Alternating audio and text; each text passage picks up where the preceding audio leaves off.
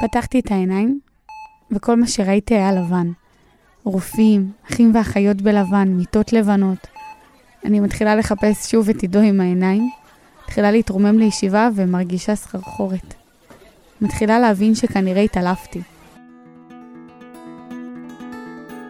היי, אתן ואתם מאזינים למערכת, השיעורים שלא ילמדו אתכם בבתי הספר. והפעם, שיעור בחרדה. כמה פעמים בחיים הכנסתם את כל המשימות שלכם לרשימה אחת? לי תמיד אמרו שאני משימתית. עובדת, מתקתקת, אוהבת עשייה, מחפשת עשייה, או במילים של אבא שלי. תמיד אני מרגיש שאני לא צריך להגיד כלום. ידעתי תמיד שיש לי מה לסמוך, אם זה גם, גם בבית ספר או בעבודה. אבא שלי מעיד, במילים אחרות, שאני פשוט חייבת שליטה, מאז ומתמיד. ומה אם אין לכם שליטה? מה אם אני אגיד לכם שכלום לא ודאי בחיים? שהגוף לא תמיד נותן כיף לנפש, שהתכנון שארגנתם לחופשה הוא לא בדיוק רשימה שחקוקה בסלע, היא כתובה בחול, והיא יכולה לעוף כמעט בכל רגע. 24 שנים אני מתהלכת בעולם בהרגשה שאני, סתיו, צריכה להיות מוצלחת, שאפתנית, מתוקתקת, להיות בשליטה על כל מה שקורה. לפני שנה הכל השתנה. עידו הבן זוג שלי ואני תכננו טיסה לתאילנד. ספרתי ימים, שעות ואפילו דקות לחופשה המיוחלת. אחרי שקראתי את עצמי ואת השעות שינה שלי בקייטנה בקיבוץ במשך שלושה חודשים, אין סוף מטלות להגשה ושני מעברי דירה, הגיע הזמן המיוחל שלי, ובעצם גם שלנו, לקצת מנוחה אמיתית. עלייה למטוס כעת, דרך שערי 36. הגענו לנתב"ג, ואפילו לא הצלחתי להתרגש. עידו פתח את כל הלו"ז של החופשה בזמן שחיכינו לטיסה, והדבר היחיד שאני חיפשתי זה איפה לזרוק את הראש לישון. נחתנו בפוקט, ובאמת, כמו בספרים, או לפחות כמו בתכנון בקבצי וורד של עידו, ככה החופשה הייתה נראית. עבר שבוע וחצי מאז שנחתנו. full moon צבעוני, בננה רוטי, sticky rice, ריזורטים מפנקים, וכל האלמנטים של חופשה מושלמת. ואיך אפשר חופשה בתאילנד או למזרח בכלל בלי קלקול קיבה? יצאתי מהמרפאת מטיילים עם שקית שלמה של תרופות וכדור פחם שאמור לנקות בבטן הכל. אחרי שהתאוששתי, עידו ואני נפרדנו מהריזורט שאירח אותנו בקופנגן, והזמנו מונית לנמל, למעבורת לקוטאו, היעד הבא שלנו. חיים שלי, את יכולה לעלות כבר למונית, אנחנו נאחר למעבורת. ואז זה התחיל. לא היה לי אוויר. כאב ראש חזק. הכל מסתובב, ואני זזה ממקום למקום במונית. הנהגת מונית הציצה מדי פעם מהמראה ושאלה אותי אם אני רוצה שהיא תעצור בצד, וכמובן שהעדפתי שלא. אולי לא טיפלו בי כמו שצריך, ויש לי הרעלה. אולי נגמר לי האוויר. המונית הזאת חנוכה לי מדי, אני לא נושמת. אולי נעצור פה בצד, רגע, אבל, אבל אם נעצור אז יזמינו לי בטח אמבולנס, טוב די, די עם הדרמות, סתיו תפסיקי. How much is it? No, it's okay, we take the bags. הגענו לנמל, והיו כל כך הרבה אנשים ורעש גדול, אבל, אבל לא שמעתי כלום. שמעתי רק את הקול שלי בראש. הרגליים נהיות כבדות, בתוך שניות נעלמה התחושה באוזניים, בידיים, בשפתיים, בראש. התחלתי לשפוך על עצמי מים קרים, רק כדי להבטיח לעצמי שאני לא משותקת, שאני לא עוברת איזה אירוע מוחי. עידו הציע כמה פעמים שלא נעלה למעבורת ואולי עדיף ללכת לבית חולים, אבל כיאה לחולת שליטה, כמובן שלא הסכמתי.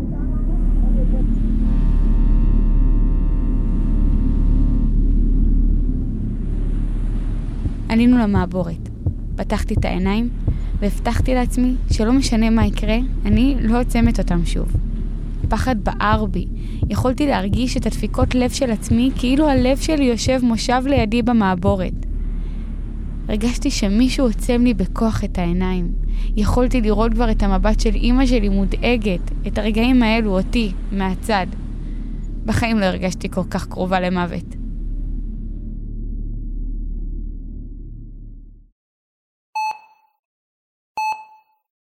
פתחתי את העיניים, וכל מה שראיתי היה לבן. רופאים, אחים ואחיות בלבן, מיטות לבנות. אני מתחילה לחפש שוב את עידו עם העיניים, מתחילה להתרומם לישיבה ומרגישה סחרחורת. מתחילה להבין שכנראה התעלפתי. עידו היה לחוץ והסתובב סביב הרופאים עם הטלפון ביד. הסתכלתי על הידיים שלי, והן היו לבנות. בשנייה אחת אחד הרופאים שם לב אליי, וביקש ממני לנסות להירדם ולא לקום מהמיטה.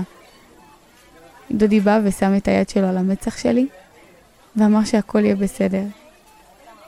ניסיתי להבין מה קרה. הוא אמר לי שעברתי התקף פאניקה, יש לי קלקול קיבה ואני חייבת לנוח. האמת שלא כל כך האמנתי. כל הזמן חשבתי שיש לי משהו מעבר. כל הזמן חשבתי שלא בדקו אותי כמו שצריך. הרי איך זה הגיוני שיש לי קוצר נשימה שפשוט לא נגמר? שחררו אותי אחרי יום שלם בבית חולים. הכי חשוב, עם חותמת שאין לי שום דבר מסוכן, רק עשרה כדורי הרגעה וחפיסה שלמה של כדורים לבטן. הגענו לריזורט בערב, היינו פשוט גמורים. נשכבתי על המיטה והרגשתי שזה שוב מגיע. עידו ביקש והתחנן שאני אכניס משהו לפה, ולא הצלחתי. לקחתי את הכדורים בלי לדעת יותר מדי מה הם, והרגשתי שהקירות של החדר סוגרים עליי, פשוט מוחצים אותי. וככה גם היה שלושה ימים. גיהנום בתוך גן עדן.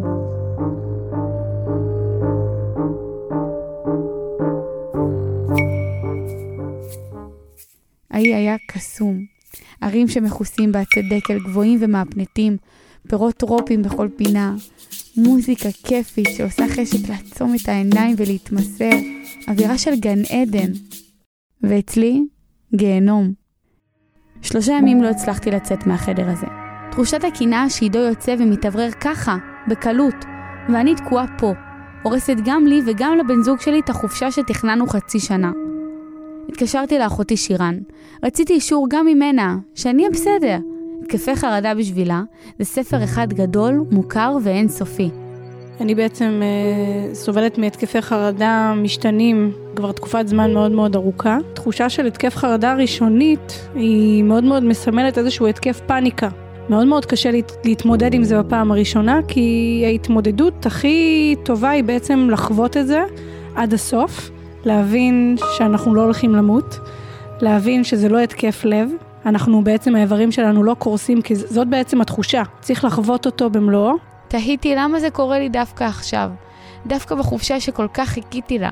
אני חושבת שברגע שהגוף נמצא במעין מנוחה, הגוף והראש נמצאים באיזושהי מנוחה שהיא מנטלית, הוא מתפנה לדברים שמטרידים אותו. זה גם למה הרבה מאוד מהמחשבות שלנו צצות בלילה, כאילו יש איזשהו משפט כזה של אני צריכה זמן בשביל לחשוב. זה דווקא מאוד מאוד הגיוני, כי פתאום אפשרת לעצמך לא להיות במרדף הזה של החיים, והלימודים, והעבודה, והזוגיות אה, בשגרה כביכול, ואז זה הגיע. עידו יצא לקראת הערב לבריכה קצת להתאוורר, ואני החלטתי שאני יוצאת. לבשתי בגד ים, שמתי מגבת מעליי ופתחתי את הדלת. במשך שתי דקות עמדתי ליד הדלת. הרגשתי שהנימול חוזר, שמישהו מתחיל לחנוק אותי, שאני לא מסוגלת לזוז, שאני נעולה לרצפה, והדמעות כבר ירדו לבד. הלכתי צעד אחר צעד, כמו תינוק בן שנה שלומד ללכת.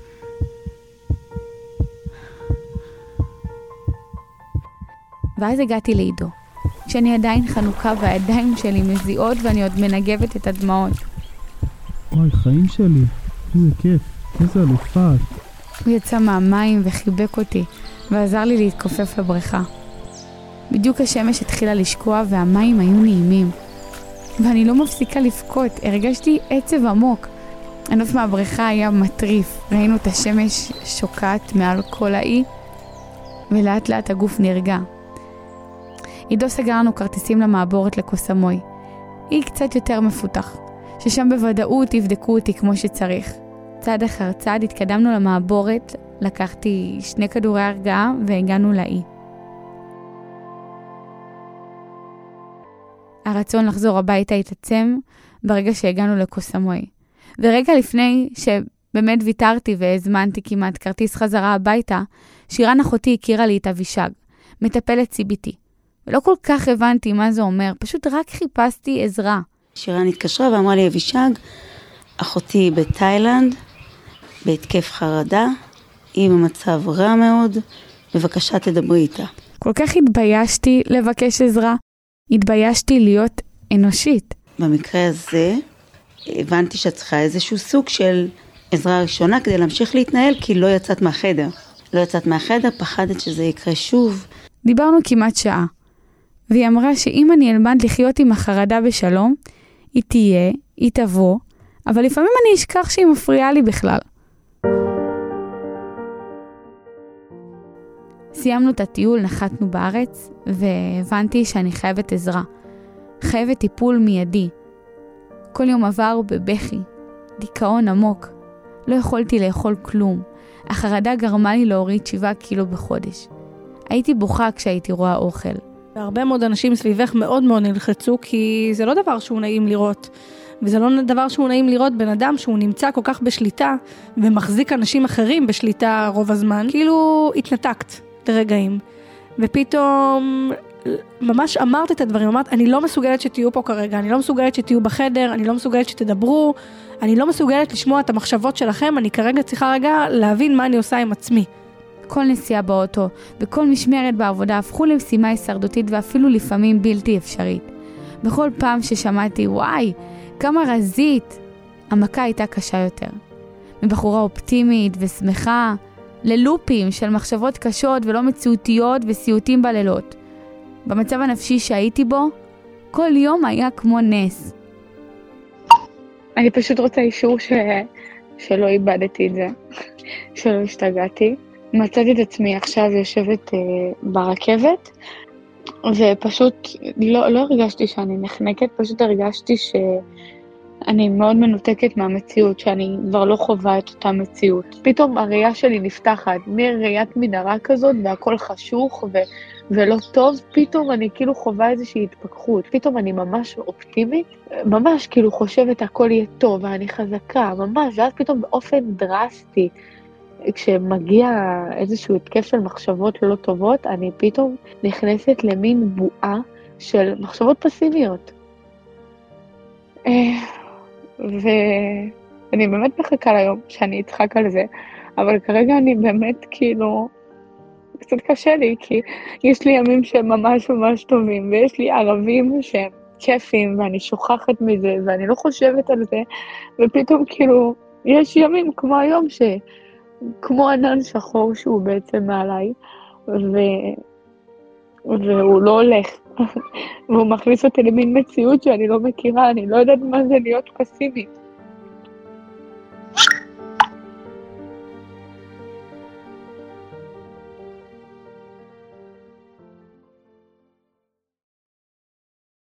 ידעתי תמיד שיש לי על מה לסמוך, אם זה גם, גם בבית ספר או בעבודה. פייטרית. אם את רוצה משהו, את יודעת להגיע לזה. הגיע היום שהענן השחור נתן לי הפוגה של חמש דקות ביום. חמש דקות ביום של שפיות, של אופטימיות, של חיזוקים לעצמי. חמש דקות שכשאבא שלי הגיע לחלק בקידוש, אנחנו מודים לרחמן ומבקשים רפואת הנפש ורפואת הגוף. הייתי באמת עוצמת עיניים ומתפללת. אני הייתי מאוד אופטימית. אחרי כמה פעמים שראיתי אותך וחזרת לעצמך וחייכת וצחקת ושרת, וזה עשה לי טוב, זה החזיר לי גם את השמחת חיים.